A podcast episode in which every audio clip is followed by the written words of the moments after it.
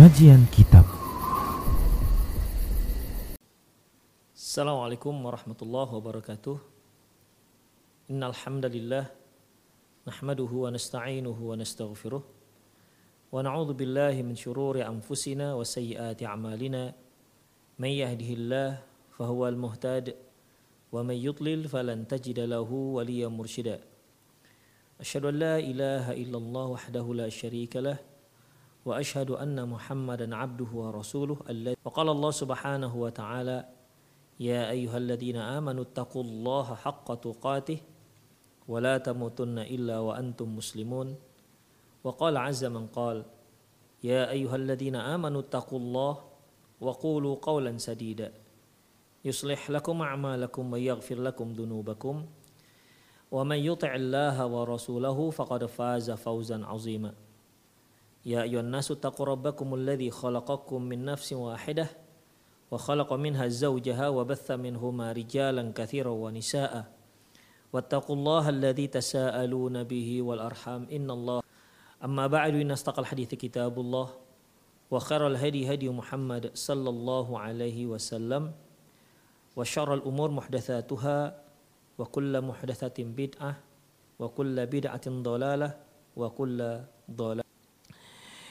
Kaum muslimin dan kaum muslimat, para pemirsa di mana pun anda berada, Alhamdulillah Allah subhanahu wa ta'ala memberi kita kesempatan kelapangan waktu untuk mengaji, mempelajari kembali agama kita, mendalami kembali akidah kita, sehingga Allah subhanahu wa ta'ala menjadikan kita orang-orang yang bertakwa, yang senantiasa mendekatkan diri kita Ma'asyarul muslimin rahimani Allah wa iyyakum.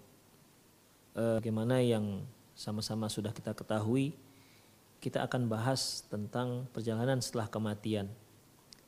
Ikhwah, semua kita tahu tentang yang namanya hanya para ulama selalu membahas masalah satu masalah itu dari sisi bahasa dan dari sisi istilah.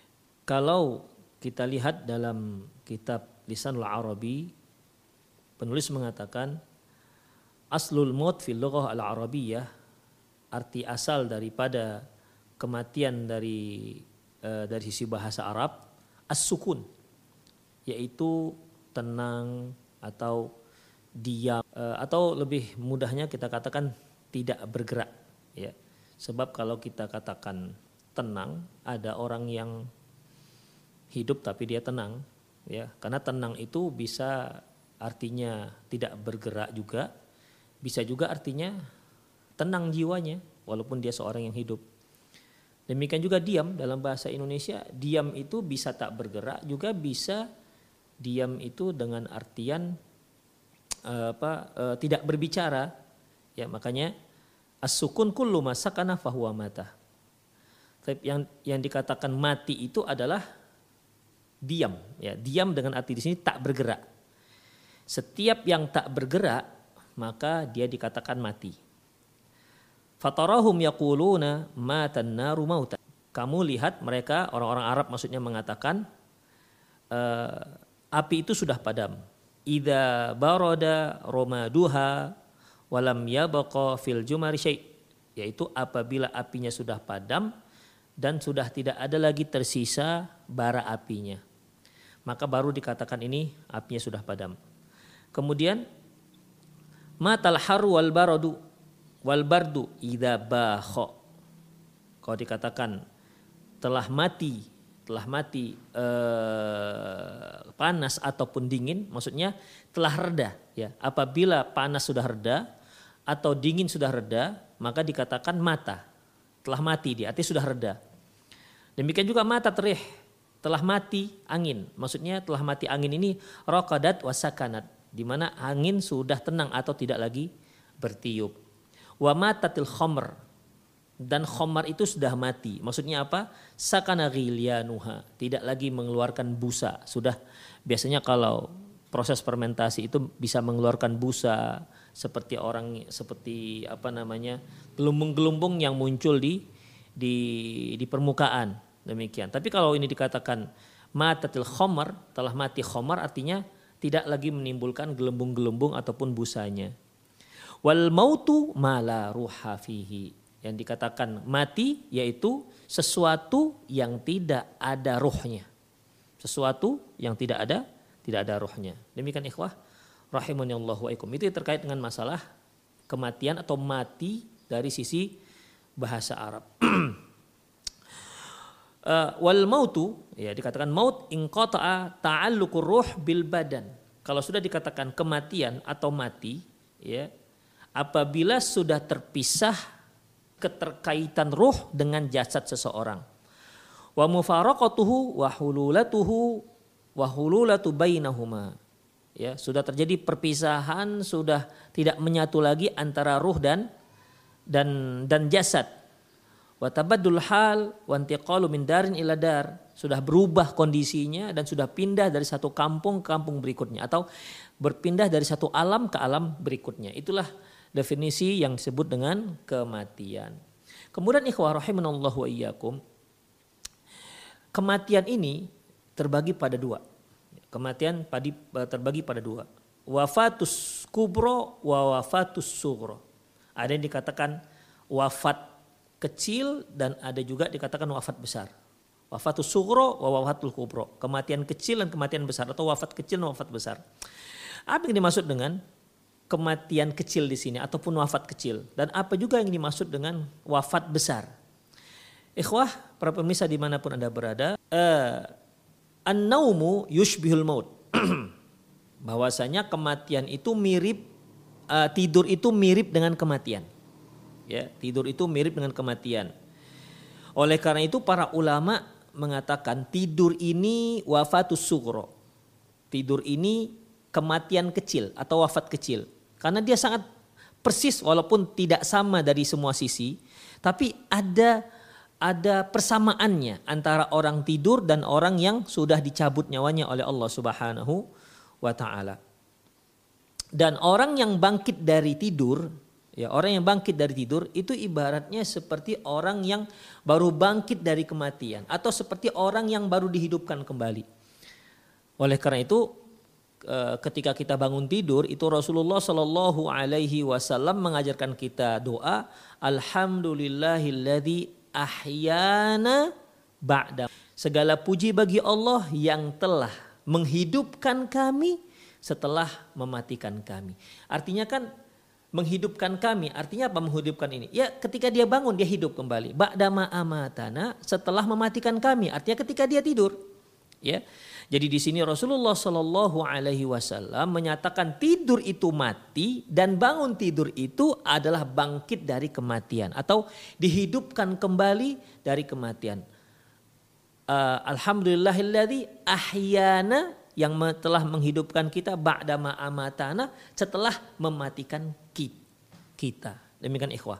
Makanya para ulama mengatakan tidur itu mirip dengan kematian. Bangun dari tidur itu mirip dengan dengan hari kebangkitan. Demikian. Dalam surat Al-An'am ayat 60 Allah Subhanahu wa taala firman wa huwallazi yatawaffakum bil dan sesungguhnya dialah yang telah mewafatkan kamu pada malam hari. Sesungguhnya dia yang mewafatkan kamu pada malam hari. Wafat bagaimana maksudnya? Bukan wafat di sini maksudnya. Dialah yang telah menidurkan kamu pada malam hari. Dari mana kita tahu? Kita lihat berikutnya wa ya'lamu ma bin nahar. Ya. Dan Allah juga mengetahui apa yang kamu lakukan pada siang hari. Jadi kalau diartikan wafat di sini huwallazi yatawaffakum bil laili. Dia yang telah mewafatkan kamu pada malam hari dan dia yang mengetahui apa yang kamu lakukan pada siang hari. Kalau kita artikan ini mati dengan artian dicabut roh, tak kembali lagi ke dunia, tentu uh, tidak ada lagi siangnya karena sudah terputuslah usianya. Demikian ikhwah. Jadi para ulama mengartikan ini huwallazi yatawaffakum bil-laili. Uh, perhatikan di sini Allah Subhanahu wa taala menggunakan kata wafat. Dia yang telah mewafatkan kamu pada malam hari wa ya'lamu ma jarahtum bin nahar. Dan dia mengetahui apa yang kamu lakukan ketika siang hari. Oleh karena itu, wafat di sini artinya adalah tidur. Ya, wafat di sini artinya tidur. Jadi kalau kita artikan dialah yaitu Allah lah huwallazi. Sesungguhnya dialah Allah yang telah mentidurkan menidurkan kamu pada malam hari wa ya'lamu nahar dan Allah mengetahui apa yang kalian lakukan pada siang hari. Kemudian ikhwah rahimanallahu wa iyyakum. Dalam surat Zumar ayat 42 Allah Subhanahu wa taala firman Allahu yatawaffal anfusa hina mautiha wallati lam tamut fi manamiha. Dan sesungguhnya Allah lah yang telah memenggak, menggenggam, memegang, ya, memegang ruh ketika dia meninggal dunia. Wallati lam tamut fi manamiha. Dan Allah juga yang memegang ruh ketika dia tidur, ketika seorang tidur. Jadi di sini Allah Subhanahu wa taala menyebutkan ada dua Huwallazi yat Allahu yatawaffal anfusa hina mautiha. Allah yang telah mem memegang ya memegang ruh ketika seorang sudah meninggal. Nah, kalau ruh ini nggak akan balik lagi. Ya. Kemudian wallati lam tamut fi manamiha. Demikian juga orang yang tidur, orang yang mati ketika dia tidur. Artinya ikhwah, di sini ada dua. Allah mematikan seseorang ketika dia tidak tidur, ya. Dan juga Allah Subhanahu wa taala mematikan seorang ketika dia tidur. Di sini Allah Subhanahu wa taala sama-sama menyebutkan yamsik, ya. Apa namanya? Tawaffal amfus, menahan, ya, menahan roh. Hanya saja bedanya seorang yang uh, dimatikan Allah, diwafatkan Allah se, se, se, uh, di luar tidur dengan dengan orang yang Allah wafatkan ketika dia tidur fayumsikullati qada 'alaihal maut. Orang yang sedang tidur tadi yang sudah sampai ajalnya di mana ketika dia tidur Allah tahan. Allah Allah tahan ruhnya. Udah? Untuk orang yang sudah sampai ajalnya Allah nggak akan balikkan lagi.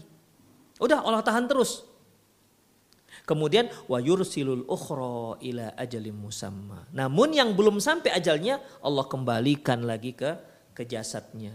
Demikian ikhwah rahimanallahu wa iyyakum. Jadi di sini Allah Subhanahu wa taala dan menyebutkan ya beberapa jenis kematian menyebutkan dengan bahasa wafat ya menyebutkan dengan bahasa wafat yaitu Allah Subhanahu wa taala mewafatkan orang yang yang tidak sedang tidur jadi sedang terjaga sakit tiba-tiba mati misalnya. Dan Allah Subhanahu wa taala mewafatkan orang ketika dia tidur. Hanya saja hanya saja orang yang sedang ditahan oleh Allah ruhnya di saat dia sedang tidur apabila yang sedang tidur tersebut uh, sudah sampai ajalnya Allah nggak akan Allah nggak akan kirim lagi ruh tersebut ke jasadnya. Tapi orang yang masih belum sampai ajalnya, kematiannya belum sampai, orang ini Allah kirimkan kembali rohnya ke jasad orang tersebut. Demikian ikhwah rahimani Allahu wa iyyakum. Ya, jadi di sini ya tawaffa itu bisa diartikan tidur, ya. Bisa diartikan tidur, bisa diartikan wafat juga meninggal. Ya, karena Allah Subhanahu wa taala menyebutkan baik tidur maupun kematian dengan kata-kata wafat. Oleh karena itu ikhwah rahimanallahu wa iyyakum, Ketika Allah Subhanahu wa taala mengatakan, "Idz Allah ya Isa, inni mutawaffika wa rafi'uka ilayya." Ketika Allah berkata, "Ya Isa, sesungguhnya aku mewafatkan kamu dan mengangkatmu wa rafi'uka ilayya dan mengangkatmu kepadaku." Wafat di sini apa maknanya? Kan tadi ada kita katakan dua. Allah menyebutkan dalam surat Zumar itu wafat itu ada dua. Ya, di antaranya artinya kematian, artinya dicabut rohnya tak tak balik lagi. Itulah akhir daripada kehidupannya, kehidupan dunianya. Ada juga wafat itu disebutkan kepada orang yang sedang tidur. Demikian. Ah, taib. Ketika Allah menyebutkan idqalallahu ya Isa inni mutawaffika wa rafi'uka ilayya. Ketika Allah berkata ya Isa, aku itu mewafatkan kamu dan mengangkatmu kepadaku. Wafat di sini apa maknanya? Wafat di sini apa maknanya? Ikhwah, kalau kita ambil dari sisi makna lugawi ya, lugawi atau bahasa, ya artinya bisa dua. Namun tentunya kita sebagai ahli sunnah wal jamaah sebagai kaum muslimin punya keyakinan lain. Keyakinan itu adalah keyakinan yang sudah dijelaskan oleh Allah Subhanahu wa taala di ayat yang lain. Seperti Allah Subhanahu wa taala menyebutkan dalam surat An-Nisa ayat 157 Allah katakan eh, wa qauluhum inna qatalnal masiha bana maryam inna qatalnal masiha bana maryam rasulullah wa ma qataluhu wa ma salabuhu ini orang-orang Yahudi ini bantahan untuk orang-orang Yahudi di mana mereka mengatakan kami telah bunuh tuh si Isa. Isa bin Maryam telah kami bunuh. Allah bantah. Wa ma qataluhu wa ma salabuhu. Enggak kata Allah. Mereka enggak ada membunuh. Mereka tak membunuh Isa. Dan mereka juga tidak menyalib Isa. Walakin syubbihalahum tapi sebenarnya Allah menyerupakan orang lain dengan Nabi Isa. Dalam ayat berikutnya Allah katakan barafa'ahullahu ilaih. Ya, bahkan Allah Subhanahu wa taala telah mengangkatnya kepada kepada kepada Allah. Diangkat Nabi Isa itu kepada Allah Subhanahu wa taala. Jadi hadis uh, ayat yang di awal kita katakan yang kita sebutkan tadi Idh qala Allah ya Isa inni mutawaffika wa rafi'uka ilayya. Ketika Allah berkata kepada Nabi Musa, "Ya Isa, sesungguhnya aku mewafatkan kamu dan mengangkat engkau kepadaku." Udah. Kalau kita artikan di sini, ingat tadi kan ada wafat itu ada dua tuh maknanya. Ada ada mati, ya, meninggal meninggal dunia, ada wafat itu tidur. Demikian, itu di antara maknanya. Baik. Kalau kita artikan wafat berarti ayat Allah ini bagaimana yang membantah orang Yahudi? Allah mengatakan, mereka mengatakan, Inna qatalnal masih habana Maryam. Kami telah telah bunuh itu Maryam. Uh, kami telah bunuh itu si Al-Masih bin Maryam binti bin Maryam. Allah bantah enggak. Kalian tidak ada membunuhnya. Kalian juga tidak ada menyalipnya. Jadi enggak mati dia, kata Allah Subhanahu wa taala. Ya. Barafa'ahullah ilaih. Bahkan di Allah mengangkat dia. Berarti ya. Alternatif bahasa mutawafik ya Isa ini mutawafik sungguhnya engkau uh, kami wafatkan. Wafat dalam artian mati tidak? Makanya sepakat ahli sunnah wal jamaah sepakat seluruh para ulama mufasir bahwasanya mutawafika ini artinya bukan mati meninggal dunia. Hanya saja selain mati selain meninggal dunia para ulama berbeda pendapat. Apa itu mutawafika ada yang menyebutkan di antaranya tidur nih ya. Tidur jadi Allah angkat Nabi Isa dan Allah tidurkan dan Allah angkat Nabi Isa. Demikian ikhwah ya. Jadi di diwafatkan diwafatkan ketika Nabi Isa sebelum diangkat itu diwafatkan mati itu sepakat para ulama tidak seperti itu.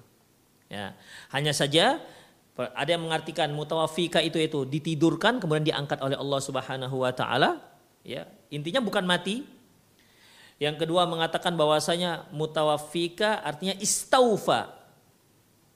Istaufa sudah sempurna kenabianmu. Jadi artinya ya Isa sungguhnya telah sempurna kenabianmu. Kemudian kami angkat engkau kepadaku. Nanti di akhir zaman, ya di akhir zaman Allah turunkan lagi Nabi Isa, tapi tidak lagi uh, tidak lagi dia sebagai seorang nabi. Karena ketika dia turun sudah ada syariat Rasulullah Shallallahu Alaihi Wasallam. Demikian. Itu di antara eh, makna yang diartikan. Ada juga yang mengartikan itu adanya apa namanya tidak berurut. Jadi uh, jadi uh, se, uh, apa namanya urutannya ya Isa ini ini rofiuka wa mutawaffika. Yaitu ya Isa aku angkat engkau dan aku wafatkan engkau. Jadi ketika Allah Subhanahu wa taala angkat Nabi Isa, kemudian di akhir zaman Allah turunkan ya Nabi Isa yang bertugas akan membunuh si Dajjal.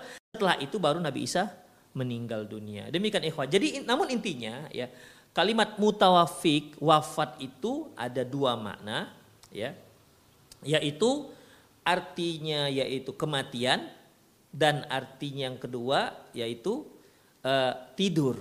Oleh karena itu tidur ini dikatakan wafatus sugro, kematian kecil, kemudian meninggal dunia, ya itu dikatakan uh, wafatul kubro, yaitu kematian besar. Demikian ikhwah rahimani Allahu wa iyyakum. Jadi uh, wafat ya, wafat ada dua. Selanjutnya ikhwah. Kita lebih fokus lagi kepada uh, membicarakan kematian. Karena judul kita ini kan perjalanan setelah kematian. Ini kematian yang dimaksud bukan kematian tidur. Tapi adalah kematian dicabutnya nyawa seseorang yaitu orang yang meninggal dunia sudah sampai ajalnya. Kematian wafatus sugro, kematian besar ini ikhwah, meninggal dunianya seorang Allah cabut roh ya. Karena ter, uh, terpisahnya terpisahnya antara roh dan badan atau disebut dengan kematian ya, itu pasti datang. Karena belum pernah ada sejarahnya orang yang tak meninggal. Belum pernah selama uh, apa namanya? alam terbentang semenjak Allah ciptakan manusia ya belum ada pernah ada orang yang tidak meninggal bahkan Nabi Khidir sekalipun ikhwah karena sekarang masih ada yang meyakini di kalangan kaum muslimin Nabi Khidir itu masih hidup itu ikhwah ini keyakinan yang salah ikhwah ya keyakinan yang salah Rasulullah Shallallahu Alaihi Wasallam pernah mengatakan bahwa dalam hadis yang diriwayatkan Imam Bukhari bahwasanya uh, yang lebih kurang maknanya begini. Tidak ada seorang pun yang hidup saat aku bicara ini. Ya, tidak ada orang yang hidup pada saat sekarang ini kecuali di 100 tahun yang akan datang mereka sudah meninggal. Jadi generasi ketika Rasulullah bicara itu, mereka mereka yang hidup pada saat Rasulullah bicara itu 100 tahun yang akan datang itu tidak ada satu orang pun yang hidup. Berarti kalau seandainya Nabi Khidir hidup pada saat itu, Nabi Khidir ini kan ceritanya di zaman Nabi Musa alaihissalam, ketika Nabi Musa ya uh, diperintahkan Allah untuk bertemu dengan dengan Nabi Khidir untuk mengajarkan beberapa hal. Itu kan baru sudah lama sekali. Dan masih ada kaum muslimin yang meyakini bahwasanya sampai sekarang Nabi Khidir itu masih masih hidup. Ya, masih hidup. Ada ada yang mereka uh, masuk di sebuah ruangan kecil, ruangan gelap, kemudian tiba-tiba cahaya terang benderang, kemudian dia saat itu dia bertemu dengan Nabi Khidir katanya, karena Nabi Khidir belum meninggal. Dan ini keliru. Ya.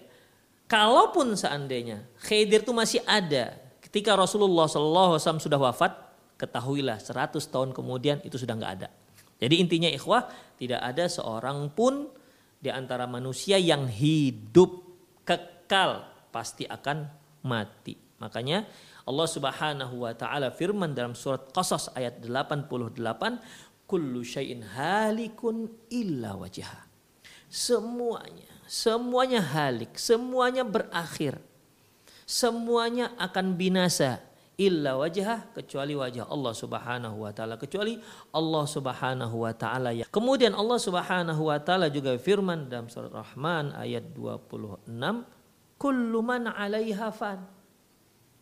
Kullu man 'alaiha fan. Semuanya pasti akan fan. Fanin itu ikhwah sesuatu yang binasa, fana. Makanya kan sering kita dengar dunia ini fana ikhwah. Fana itu apa artinya? Binasa, gak kekal. Kullu man 'alaiha fan. Semua itu tidak ada yang kekal. Fanin akan berakhir dan akan binasa. Kemudian ikhwah dalam surah Al-Imran ayat 185 Allah Subhanahu wa taala mengatakan kullu nafsin dha'iqatul maut. Ya, kullu nafsin dha'iqatul maut. Sesungguhnya uh, setiap jiwa setiap yang punya roh dha'iqatul maut pasti akan merasakan kematian. Pasti akan merasakan kematian. Tidak ada tidak ada satupun yang tidak merasakan kematian. Pokoknya setiap orang, setiap makhluk Allah yang punya ruh, yang punya nyawa pasti akan merasakan kematian dengan artian di suatu saat rohnya akan ditarik dari jasadnya. Suatu saat rohnya akan berpisah dari jasad. Ya. Kemudian Allah mengatakan wa inna mayutawaffawna wa inna mayutawaffawna ujurahum yaumil qiyamah dan sungguhnya akan dibalas uh, kalian akan mendapat balasan yang sempurna, yang sempurna. Nah, ini di sini ada juga kata-kata wafat, ikhwah. Yutawafauna. Ya, artinya sudah sempurna. Ini uh, mendukung uh, pendapat yang mengatakan bahwasanya ini mutawafika artinya sudah selesai, sudah sempurna kenabianmu. Jadi dia diangkat dalam keadaan bukan seorang nabi. Demikian. Jadi nanti ketika dia turun, ketika Nabi Isa turun itu tidak lagi seorang nabi. Itu dia. Ikhwah rahimanallah wa iyyakum. Taib. Intinya di sini adalah ayatnya kullu nafsin dha'iqatul maut, setiapnya yang bernyawa itu pasti akan merasakan kematian. Seandainya, ikhwah, nih seandainya nih, seandainya adalah manusia yang tak mati, seandainya ada seorang manusia yang mulia yang tak mati-mati, kalau menurut para pemirsa siapa yang paling layak diberikan hak prerogatif tak mati-mati? Tak mati. Hmm, benar. Dia adalah Sayyiduna. Sayyidu walidi Adam. Pemimpin kita, penghulu kita, Sayyidul waladi Adam, pemimpin seluruh para para anak-anak Adam, Sayyidul Ambiya, seluruh para nabi, pemimpin seluruh para nabi. Dia adalah Muhammad bin Abdullah sallallahu alaihi wasallam. Dialah seorang harusnya lebih berhak. Ya. Kalau memang tak mati. Dia lebih berhak ketimbang Nabi Khidir. Kalau memang adalah orang mulia itu tidak mati. Namun ikhwah Allah wa iyyakum dalam surat Zumar ayat 30 Allah mengatakan innaka mayitun. Muhammad ente Muhammad kamu mayit kan mati. Wa innahum mayitun. Mereka juga semua akan mati. Gak ada yang gak mati. Ya. Kamu mati, mereka juga mati. Makanya kan ada di Indonesia ini ada bahasa Uh, semuanya mati orang miskin mati orang kaya mati orang kecil mati orang apalagi orang tua mati itu dia. Semua mati. Kemudian ikhwah Allah wa iyyakum ya. Allah Subhanahu wa taala uh, dalam sebuah hadis yang diriwayatkan oleh Imam Bukhari dari Abdullah bin Abbas radhiyallahu anhu radhiyallahu anhuma anna Nabi sallallahu kana yaqul bahwasanya Nabi sallallahu alaihi wasallam pernah bersabda dengan ucapan dengan doa a'udzu bi'izzatika alladzi la ilaha illa antal ladzi la yamut wal jinnu wal insu yamutun. Aku berlindung dengan kebesaranmu wahai yang tidak ada ilah yang disembah kecuali hanya engkau. Sesungguhnya alladzi la yamut engkau tidak mati. Karena Allah Subhanahu wa taala hayyun qayyum. Hayyun itu maha hidup. Ya maha hidup. Di mana huwal awal wa huwal akhir. Dialah yang pertama. Dialah yang pertama. Tidak ada sebelumnya yang lain. Dialah yang pertama. Yaitu yang zat yang pertama yang tidak didahului oleh ketidakadaan. Dan dia yang terakhir. Makanya huwal awalu wal akhiru. Dan Allah tidak akan Allah itu qayyum senan hayyun hayyun senantiasa hidup maha hidup Kebalikannya ya nggak mati-mati. Makanya di sini Rasulullah menyebutkan sifat Allah alladzi la yamut, sifat salviyah yaitu wahai Allah engkau yang tidak ada ilah yang berhak disembah kecuali hanya engkau alladzi la yamut yang tak mati-mati. Manusia mati wal jinnu wal jinnu wal ins yamut adapun yamutun adapun manusia dan jin itu mereka semua meninggal dunia. Demikian ikhwah. Jadi eh, bahwasanya kematian itu pasti datang. Tidak ada seorang pun yang tidak mati dan itu semua diyakini ya. Diyakini oleh semua umat, pasti mati. Tidak ada seorang pun yang tidak mati. Ketika kita mengusung kendar kerenda di bahu kita, ketika kita menyelotkan mayat, ketahuilah suatu hari kita akan kita akan berada di posisi orang tersebut. Kita akan berada di posisi orang yang dikerendah. Kita akan berada di posisi orang yang sedang disolatkan. Itu dia. Ya, tunggu saja saatnya. Demikian ikhwah. Jadi tidak ada, tidak ada seorang pun yang tak. Jadi terkadang kita itu agak heran dengan kita sendiri ya, dengan kita manusia. Kita semua yakin bahwasanya kita itu Pasti mati. Dan kita juga yakin ini dunia ini akan fana. Dunia ini akan habis. Bahkan dunia yang kita cari-cari juga belum tentu dapat. Dunia yang habis-habisan kita cari, terkadang kalau bahasa Malaysia itu sampai bertengkus lumus, kaki jadi tangan, tangan jadi kaki. Untuk mendapatkan dunia yang yang kita tidak tahu dapat apa tidak, yang belum pasti, kita sanggup mengeluarkan semua potensi kita ya untuk mendapatkan dunia tersebut. Kita sanggup bersabar. Usaha yang satu gagal, pindah ke usaha berikutnya, gagal lagi, pindah usaha berikutnya, gagal lagi, pindah ke usaha berikutnya. Untuk mendapatkan dunia juga belum patah sering mengabaikan kematian yang kita yakin itu pasti. Yang kita yakini itu pasti. Terkadang, bukan terkadang sih, ya seringnya kita itu hanya mempersiapkan untuk hal-hal yang nggak pasti. Sementara yang pasti kita abaikan. Inilah fungsinya kita belajar.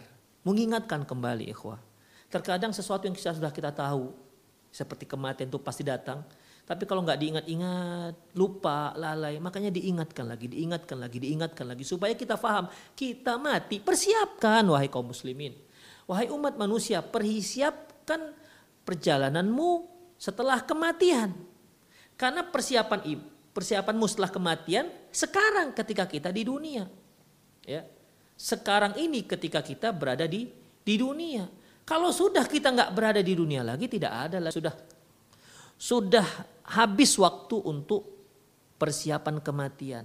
Oleh karena itu ikhwah rahimani Allah wa iyyakum ya uh, mari persiapan kita untuk menjelang kematian dan untuk perjalanan kita yang jauh lebih panjang setelah kematian ketimbang perjalanan kita sebelum. Itulah sebabnya Allah Subhanahu wa taala mengingatkan mengingatkan kullu nafsin dha'iqatul maut. Setiap orang sampai Rasulullah pernah mengatakan uzkur udhkuru hadimul ladzat hadimul ladzat. Kalian ingat-ingatlah sesuatu yang bisa menghilangkan semua kelezat ya, dunia ini lezat khadirun kata Rasulullah khadirun yaitu hijau suka uh, apa khadirun uh, hijau yang disukai oleh manusia ya tapi bagaimanapun wamal hayatud dunya illa mata'ul ghurur tidaklah kehidupan dunia itu hanya perhiasan yang menipu Kalaupun dia dapat perhiasan, ini nggak ada sebanding, nggak ada tidak bisa dibandingkan sedikit pun dengan perhiasan yang nanti akan didapati di di akhirat. Demikian. Kalaupun dia dapati perhiasan dunia itu tidak akan kekal. Itu demikian para pemirsa rahimani Allahu wa iyyakum. Kemudian berikutnya lil mauti ajlun. Kematian itu pasti datang dan dia ada ajal. Ya. Ada ajalnya. Semua kita ini ada ada waktu kematiannya. Ya, ada waktu kematiannya. Hanya saja masing-masing kita beda jadwalnya. Ada yang jadwalnya mungkin setelah usia 60. Ada yang jadwalnya masih baru lahir, masuk dua hari sudah meninggal. Ada yang jadwalnya belum menikah, masih jomblo sudah meninggal. Ada yang jadwalnya beda-beda ikhwah. Ya, beda-beda. Dan itu pasti ada. Ya, jadwal itu ada. Jadwal kematian kita itu pasti pasti ada. Hanya saja permasalahannya bagi kita adalah ya uh, kita nggak tahu kapan jadwal kita. Ya, kita tidak mengetahui kapan jadwal kematian kita itu uh, datang. Namun yang pasti kita harus meyakini kita punya ajal. Eh wah ajal ini sebenarnya sudah jadi bahasa Indonesia.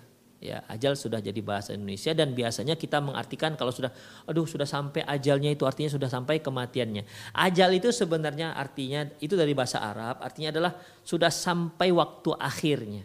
Ya sudah sampai waktu akhirnya. Ya kalau kita kalau kita kaitkan dengan kehidupan kita kalau kita kaitkan dengan hidup kehidupan kita maka sudah sampai ajalnya ya sudah sampai kematiannya nggak hidup lagi itulah akhir daripada usianya itulah akhir daripada kehidupannya kalau hutang udah sampai ajalnya. Artinya apa? Itulah saat pelunasannya.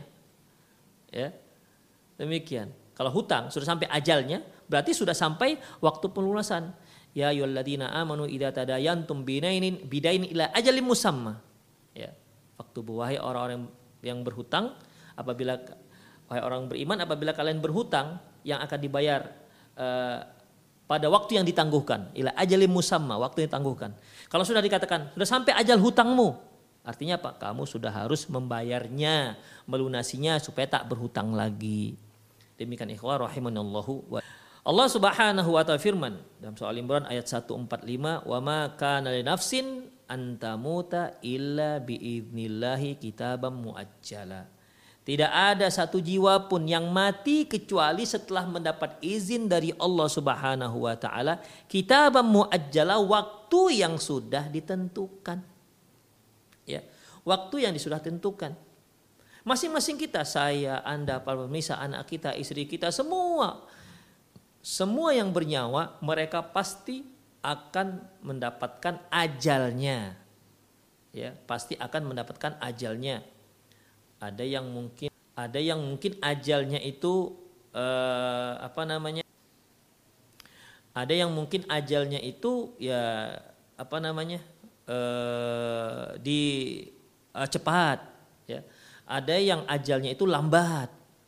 Demikian ikhwah, azani Allah wa iyyakum. Taib. Namun ya, namun ajal itu sudah ketetapan Allah Subhanahu wa taala dan Allah sudah tuliskan. Oleh karena itu Rasulullah Shallallahu alaihi wasallam pernah bersabda uh, dalam sebuah hadis sahih Inna ahadakum yujma'u khalqu fi batni ummihi fi batni ummihi. Sungguhnya ciptaan kalian ada di rahim ibu kalian fi batni ummihi uh, sesungguhnya ciptaan kalian ada dalam rahim ibu kalian yaitu arba'ina yawman nutfatan yaitu selama 40 hari dia berupa sperma.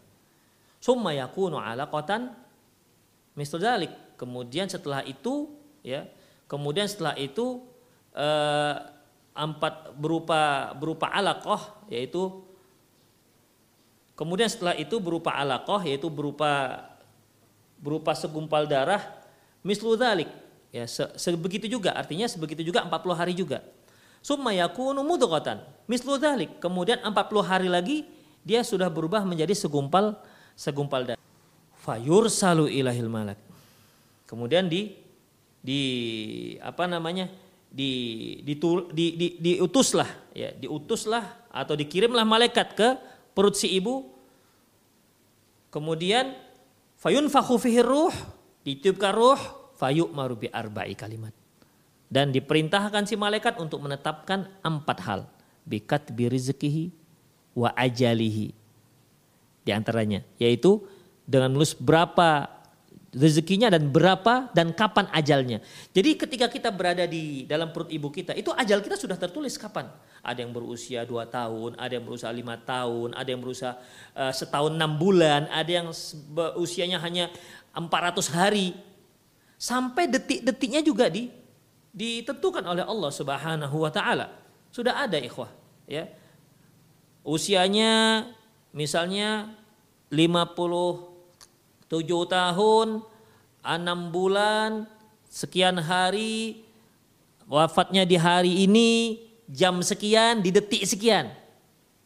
Demikian. Dan itu tidak akan bisa dipercepat dan tidak akan diperlambat. Ya. Itu sudah ketentuan dari Allah Subhanahu wa taala. Jadi kalau ada ikhwah, ya. Allah Subhanahu wa taala firman, Walikuli ummatin ajal. Ini Al-A'raf ayat 34. Setiap umat itu ada ajalnya, ada waktu akhirnya, ada ajal, ada waktu kematiannya. Fa'idha ja'ajaluhum apabila datang ajalnya, la yasta'khiruna sa'atan wa la yastaqdimun. Tidak akan diperlambat, ya. La yastaqdimuna sa'atan tidak akan dipercepat wa la yasta'khirun dan tidak akan bisa diminta untuk diperlambat. Itu dia. Mungkin pemirsa pernah mendengarlah kisah ada seorang yang sudah sekarat tapi kok enggak kok enggak meninggal meninggal juga ya enggak meninggal meninggal juga. Kemudian ada yang mengatakan oh mungkin dia ini punya simpanan. Ya ini simpanannya harus dikeluarkan supaya dia bisa meninggal dengan tenang supaya nyawanya bisa bisa apa namanya bisa bisa ditarik oleh malaikat maka dipanggillah dukun. Ya dipanggillah dukun untuk menghilangkan semua simpanan-simpanan dan ilmu-ilmunya ikhwah ini khurafat apa iya malaikat maut gak bisa mencabut orang yang punya ilmu? Ilmu perdukunan atau ilmu-ilmu apalah begitu? Apa iya? Kan tidak ikhwah. Allah mengatakan itu sudah ketetapan Allah. Kalau ada orang yang meyakini seperti itu gara-gara gara-gara ilmunya itu dia tidak bisa dicabut nyawanya, berarti kan sama artinya dia menghalangi Allah Subhanahu wa taala untuk mencabut. Malaikat maut itu kan datang itu perintah Allah Subhanahu wa taala. Ya. Sudah tahu ajal fulan, hari ini jam sekian, detik sekian, cabut tuh nyawa. Datang tuh malaikat, dicabut tuh nyawanya. Demikian, tidak ada. Aduh mau dicabut, aduh susah cabutnya. Kenapa? Karena dia punya ilmu, ilmunya ngeri kali gitu. Mana ada cerita ikhwah. Tapi begitu pun banyak dengan masyarakat kita meyakini hal-hal seperti itu. Tidak bisa. Bahkan ada lagi ikhwah. ya Sudah diyakini seperti itu, karena nggak bisa meninggal-meninggal, dipanggillah dukun toba. Bertambahlah dosa jadinya. Dipanggillah dukun, kemudian kata dukun ini buka plafon nih, ha. buka as, plafon kemudian buka seng supaya apa? Yang ada di atas mayit supaya apa? E, orang yang mau sekarat supaya nyawanya itu bisa naik. Allahu akbar. Ikhwah rahimani Allah wa iyyakum. Ya. Ketahuilah bahwasanya ya bahwasanya yang namanya kematian di mana pun kita berada itu pasti dia datang. Aina takunu yudrikumul maut. Di mana pun kamu berada yudrikumul maut kamu pasti akan ditemui kematian. Kematian tuh akan mengejarmu di mana pun kamu berada. Ya. Kematian akan mengejarmu di mana pun kamu berada. Walau kuntum fi burujim musyayyadah walaupun kamu berada di dalam sebuah benteng yang tinggi ya. Walaupun kamu berada di dalam sebuah benteng yang tinggi menjulang dan kokoh. Bayangkan ikhwah. Jadi kalau kamu berada di benteng yang tinggi kokoh ikhwah kalau sudah benteng namanya tinggi aja nggak kokoh hancur kemudian kalau benteng kokoh saja nggak tinggi mudah dijangkau oleh musuh ini sudah tinggi buruj tinggi musyayyadah dan kokoh. Itu saja mati akan datang, menjemput.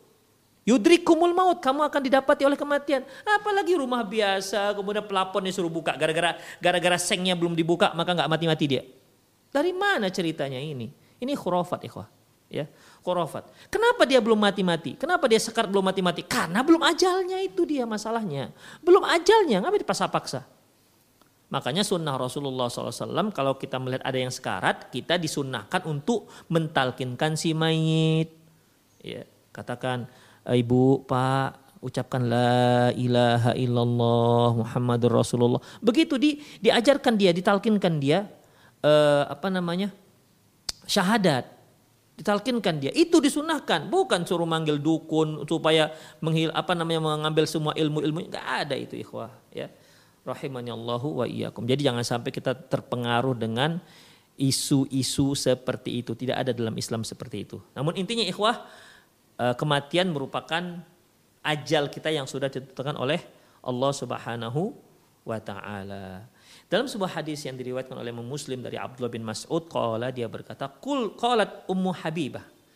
Zaujun Nabi sallallahu alaihi wasallam. Ummu Habibah pernah berkata kepada Nabi sallallahu alaihi wasallam dia ber, uh, Ummu Habibah istri Nabi SAW pernah berdoa Allahumma amti'ni bizauji Rasul bizauji Rasulillah. Ya Allah bahagiakanlah aku dengan cara memanjangkan usia suamiku Rasulullah Kemudian wabi Abi Sofyan, wabi Abi Abi Sofyan. Dan juga bahagiakan aku dengan memanjangkan umur ayahku yaitu Abu Sofyan, wabi akhi Muawiyah. Dan juga bahagiakan aku dengan dipanjangkan usia saudaraku yaitu Muawiyah. Jadi intinya Ummu Habibah radhiyallahu anha isi Rasulullah SAW mohon kepada Allah agar usia suaminya yaitu Rasulullah, usia ayahnya dan usia saudaranya Abu uh, Muawiyah bin Abi Sofyan itu dipanjangkan supaya kebahagiaannya uh, tetap langgeng Itulah isi doa Ummu Habibah radhiyallahu anha. Namun apa kata Rasulullah sallallahu alaihi wasallam? Faqala Nabi sallallahu alaihi wasallam, "Laqad sa'altillaha li ajalin madrubah." Kamu sudah meminta kepada Allah sesuatu yang sudah ditentukan. Gak bisa digoyang-goyang lagi. Ya. Tidak bisa diubah-ubah. Ya Ummu Habibah, kamu telah meminta kepada Allah sesuatu yang gak bisa digeser, gak bisa dirubah lagi. Itu sudah madrubah, sudah tetap. Makanya kan tadi di ayat tadi yang sebelumnya kita baca yang telah kita bacakan uh, idza jaa ajaluhum apabila sudah datang ajalnya kematiannya fala la yastakhiruna sa'atan wa la tidak bisa di uh, di, ditunda di, tidak bisa ditunda wa la yastaqdimun dan tidak bisa di dan juga tidak bisa di, dipercepat demikian ya. Laqad sa'altillah li ajalim madrubatin. Kamu telah meminta kepada Allah mohon kepada Allah dengan sesuatu yang sudah ditetapkan oleh Allah Subhanahu wa taala. Wa ayyamun ma'dudah. Dan wa ayyamun wa ayyamun wa ayyamun ma'dudah. Dan hari yang sudah terhitung. Jadi hari-hari kita hidup itu sudah ditentukan oleh Allah Subhanahu wa taala. Sekian hari, ada yang sekian ribu hari, sekian puluh ribu hari. Itu sudah Allah Subhanahu wa taala tentukan semuanya. Kemudian wa arzakum maksumatun dan rezeki yang sudah dibagi-bagikan. ya kita saya sudah ada rezekinya tentukan oleh Allah antum juga para pemirsa juga itu semua sudah ada rezekinya sudah dibagi-bagikan oleh Allah Subhanahu wa taala makanya ikhwah antara rezeki dengan ajal tuh sama ya selama seorang itu masih hidup berarti rezekinya masih ada selama seorang itu masih hidup berarti rezekinya masih ada. Ketika dia meninggal di situlah habis rezekinya tidak. Makanya Rasulullah katakan ayyamu ma'dudah wa arzakum maksumah Allah sudah menetapkan jumlah harimu, usiamu sekian hari dan rezeki yang sudah ditentukan, yang sudah dibagi-bagikan. La yu'ajjalu syai'un qabla hillih tidak akan bisa dipercepat sesuatu sebelum waktunya. Wala yu'akhkharu wala yu'akhirullahu syai'an ba'da hillih. Dan Allah tidak akan dan Allah tidak akan uh, tidak akan diakhirkan sesuatu eh, setelah setelah ditentukannya. Jadi intinya tidak bisa dipercepat dan tidak bisa di, diperlambat. Walau kunti sa'altillaha ayyu'idhaki min adzabin nari au adzabin fil qabri kana khairan wa afdol. Seandainya engkau wahai Ummu Habibah mohon kepada Allah agar engkau dibebaskan, diselamatkan dari adab neraka dan adab kubur itu doa yang lebih baik ketimbang doa minta panjang umur. Makanya ikhwah rahimanallahu wa iyyakum jangan minta panjang umur. Rasulullah melarang Ummu Habibah minta panjang umur. Mintalah keberkahan umur. Usia kita sudah ditentukan oleh Allah Subhanahu wa taala, tak bisa dipercepat dan juga tidak bisa di, di tidak bisa dipercepat, tidak bisa ditambah. Sudah memang segitu ikhwah para pemirsa sekalian. Jadi jangan minta doa panjang umur. Mintalah keberkahan umur. Untuk apa kita panjang umur 90 tahun tapi isinya penuh dengan kemaksiatan. Penuh dengan dosa. Demikian. Tapi kalau dia 90 tahun, 100 tahun tapi diisi dengan ketaatan, Masya Allah, ya, kesolehan, Allahu Akbar, itu lebih bagus.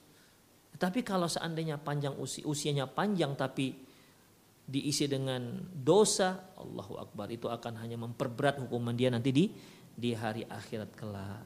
Demikian ikhwah azan ya Allah. Kemudian terakhir yaitu bahwa akan tadi yaitu waktul maut majuhulun lana.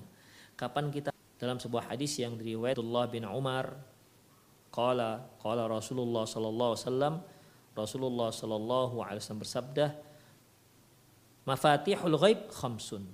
Kunci gaib ya kunci ilmu gaib itu yaitu innallah punya hanya Allah yang mengetahui kapan terjadinya hari kiamat. Wa yunazzilul ghaith dan uh, wa yunazzilul ghaith dan kunci dari uh, dan menurunkan uh, hujan.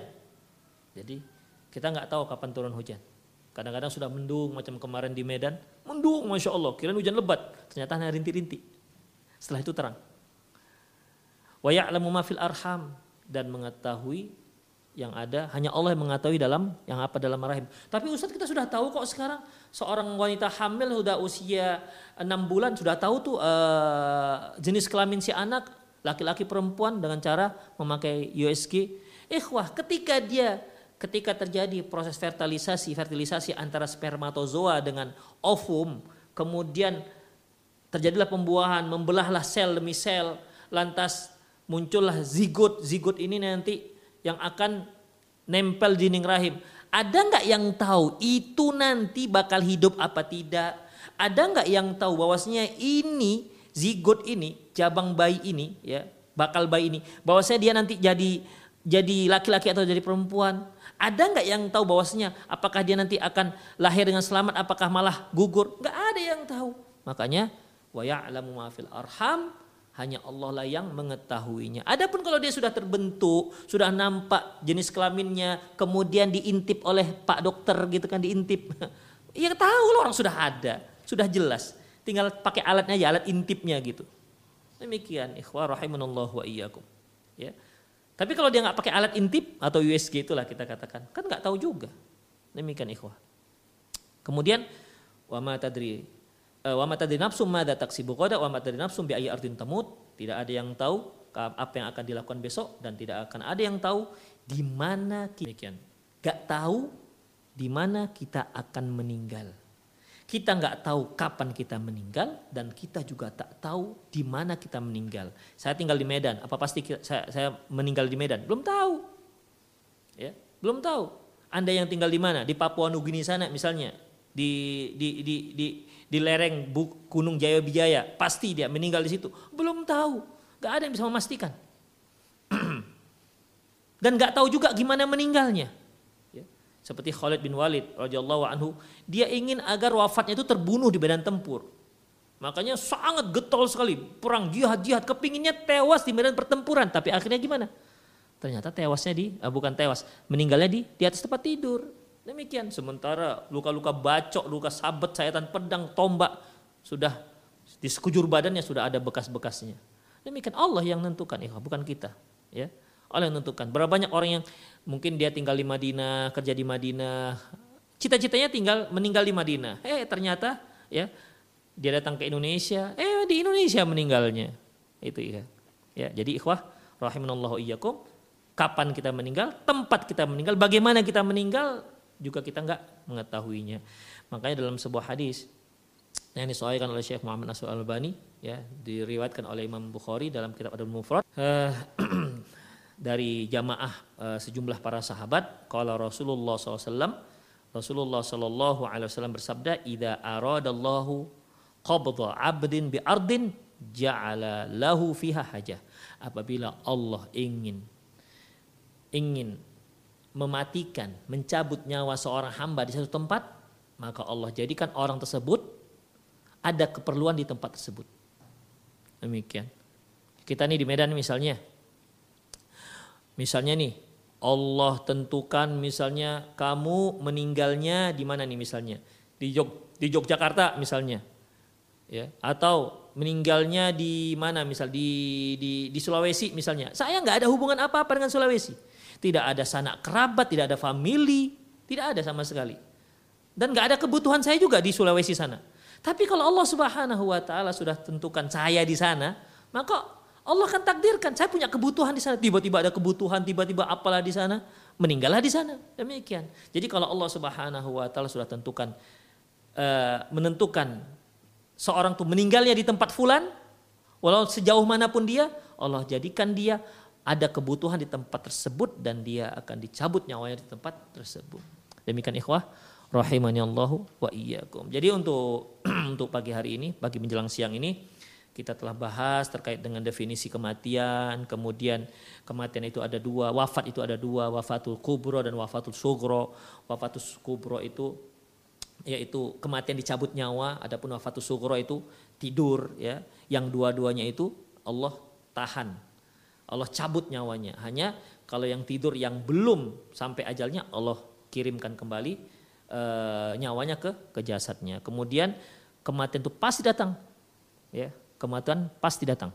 Gak akan ada orang yang tidak ada orang yang tidak tidak mati. Kemudian kematian itu uh, ada ada waktunya, ya, ada waktunya. Hanya kita tak mengetahui kapan terjadi. Kita juga nggak mengetahui di mana kematian itu akan menjemput kita.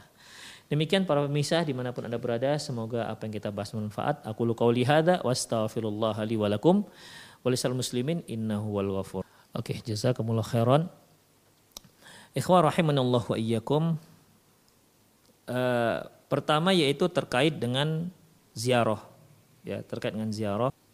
Rasulullah sallallahu alaihi wasallam bersabda, "Kuntu nahaitukum an ziyaratil kubur ala fazuruha." Dahulu saya pernah melarang kalian untuk ziarah kubur ala fazuruha. Maka ziarahilah dia. Maka ziarahilah dia. Datangilah dia. Artinya ikhwah rahimanallahu wa iyyakum artinya ketika uh, kita diperintahkan oleh Rasulullah Shallallahu Alaihi Wasallam ziarah kubur itu kapan saja? Silakan. Karena ziarah kubur itu tidak terkait dengan berapanya. Tidak terkait dengan waktunya Rasulullah Shallallahu Alaihi Wasallam pernah berziarah di siang hari. Rasulullah SAW juga pernah berziarah di malam hari. Sebagaimana yang pernah kejadian hadis Rasulullah yang Rasulullah itu pelan-pelan keluar dari selimut. Kemudian pelan-pelan ambil sendal. Kemudian ternyata beliau pergi ziarah ke Baki. Demikian. Demikian juga harinya. Harinya juga terserah. Mau hari apa saja. Mau Ramadan, nggak Ramadan, sama saja. Ya. Demikian juga baik laki-laki maupun yang wanita. Termasuk dalam perintah ya. Termasuk dalam perintah. Hanya saja ikhwah rahimanallah wa iyyakum ada pengecualian kaum wanita. Rasulullah Shallallahu alaihi wasallam bersabda la'anallah az-zawwarat. Allah melaknat wanita-wanita penziarah. Di sini para ulama berbeda pendapat tentang makna zawarat. Ada yang menyebutkan yaitu tidak boleh ziarah kaum wanita tak boleh ziarah mutlak. Ya. Pendapat kedua mengatakan bahwasanya boleh tetapi tidak boleh sering-sering. Karena zawarat itu artinya wanita yang sering-sering berziarah. Ya. Yaitu wanita yang sering-sering berziarah. Tapi kalau dia tak sering-sering berziarah, maka boleh Kalimat zawarat yaitu sirah mubalaghah yang sering, terlalu sering untuk berziarah. Dan ini juga pernah diamalkan oleh Aisyah radhiyallahu anha ibunda kita di mana dia ketemu oleh dengan seseorang ditanya dari mana wahai ibunda dia katakan dia baru ziarahi kuburan saudaranya. Demikian. Itu artinya bahwasanya kaum wanita itu juga boleh ziarah, namun tidak seperti laki-laki. Laki-laki sering-sering boleh silakan. Adapun perempuan tak boleh sering-sering. Kemudian ikhwah azani Allah wa iyyakum terkait dengan apakah penduduk penduduk uh, apa namanya penduduk kuburan itu bahagia dengan datangnya kita. Jelas bahagia. Kenapa? Karena kita datang itu untuk mendoakan dia. Ya. Kita masuk kuburan, kemudian kita baca doanya assalamualaikum, uh, assalamualaikum kaum mukminin dan seterusnya. Ya segala apa namanya salam atas kalian. Intinya kita doa masuk kuburan itu adalah doa untuk si penghuni kuburan. Demikian. Dan itu sampai ikhwah. Ya, dan itu sampai. Sampai kita juga mengakui kepada mereka wa inna insyaallah bikum lalahikun dan kami juga akan menyusul. Ini semua ikhwah. Ini tentunya ada manfaat untuk si si orang yang ziarahi. Ya. Untuk yang ziarahi bukan hanya bukan hanya untuk person yang mau kita ziarah, tapi untuk semua penghuni kuburan. Dan untuk kita juga ada manfaatnya. Karena Rasulullah Shallallahu Alaihi Wasallam bersabda, "Kuntu nahaitukum an kubur, ala fazuruha, fa innahu tudzakirul akhirah." Dahulu aku pernah melarang kalian untuk ziarah kubur, ala fazuruha. Dan sekarang silahkan ziarahi karena dia dapat mengingatkan kamu dengan hari akhirat. Jadi dengan seringnya kita ziarah kubur, kita uh, seolah sedang mengingatkan diri kita. Ingat ini, kamu juga akan seperti ini. Kamu akan datang sendiri, kamu akan tinggal sendiri dan kamu hanya akan ditemani oleh amalan-amalanmu. Untuk introspeksi bagi kita. Dan doa itu juga untuk si si mayit. Semoga Allah ampuni dosanya dan semoga Allah lapangkan kuburannya ya. Dan Allah Subhanahu wa taala uh, jauhkan dia dari adab kubur Demikian ikhwah rahimanallah wa iyyakum. Dan satu hal ikhwah, satu hal ziarah itu tidak harus ziarah di kerabat kita. Ya, tidak harus ziarah di kerabat kita. Ya kan sering sih eh, kalau kita kalau kita sedang ziarah misalnya di di kuburan ibu kita misalnya. Misalnya dia di Jakarta eh, kuburan ibunya di Medan misalnya. Nah, dia nggak pernah ziarah di Jakarta dia ziarahnya di mana? Di kuburan ibunya di Medan misalnya. Sebenarnya tidak harus seperti itu. Ya. Di kuburan mana pun, di tempat pekuburan mana pun kita disunahkan untuk ziarah. Karena itu akan mengingat kita di hari akhir. Dan doa kita untuk si mayit itu juga akan bermanfaat. Walladzina qalu walladzina qala walladzina qalu min ba'dihim yaquluna rabbana ighfir lana wa li ikhwanina alladzina sabaquna bil iman dan orang-orang yang berkata uh, setelah mereka mereka mengatakan ya Allah uh, ampunkanlah kami dan orang-orang yang telah lebih dahulu mendahului kami. Artinya sudah mati mendahului kami. Demikian. Doa orang mukmin itu bermanfaat untuk yang hidup dan untuk yang mati, mutlak. Makanya isi doa jenazah itu kan Allah mafirlahu warhamhu wa'afi wa'fu anhu dan seterusnya. Itu kan untuk si mayat siapa saja. Ya. Siapa saja ya tentunya untuk mayat kaum muslimin, tidak untuk mayat orang kafir. Adapun mayat orang kafir ya kita disunahkan ketika kita melintas di di kebumi di pekuburan orang kafir Rasulullah katakan basyiruhum binar katakan mereka oh masuk surga kalian gitulah kira-kira. Eh masuk neraka kalian bukan masuk surga. Demikian. Basyiruhum binar kata Rasulullah ya. Masuk neraka kalian. Demikian. Itu untuk kuburan uh, tempat pekuburan orang-orang kafir. Ataupun orang muslim kita doakan. Demikian. Dan itu jelas bermanfaat. Setiap doa kita kepada orang yang sudah meninggal siapa pun dia, ya. Apalagi kepada kedua orang tua kita. Insya Allah akan sampai Allah alam bisawab. Nah. Waalaikumsalam warahmatullahi Masya Allah jazakumullah khairan bagi ibu. Taib. Rasulullah Shallallahu Alaihi Wasallam mengatakan barang siapa barang siapa yang menyolatkan mayit man 'alal mayit falahu qiratun barang siapa yang menyolatkan mayat maka dia dapat satu qirat dan barang siapa yang menyolatkan mayit kemudian mengikuti mayit sampai dikebumikan maka dia dapat dua kirot ya dua kirot para sahabat bertanya tentang apa itu pahala satu kirot kata beliau kirot itu adalah sebesar gunung Uhud kirot itu sebesar gunung Uhud. Jadi kalau satu kirot dia dapat pahala sebesar gunung Uhud. Dua kirot berarti dua gunung Uhud. Jadi eh, hadis ini itu untuk kaum muslimin dan kaum muslimat.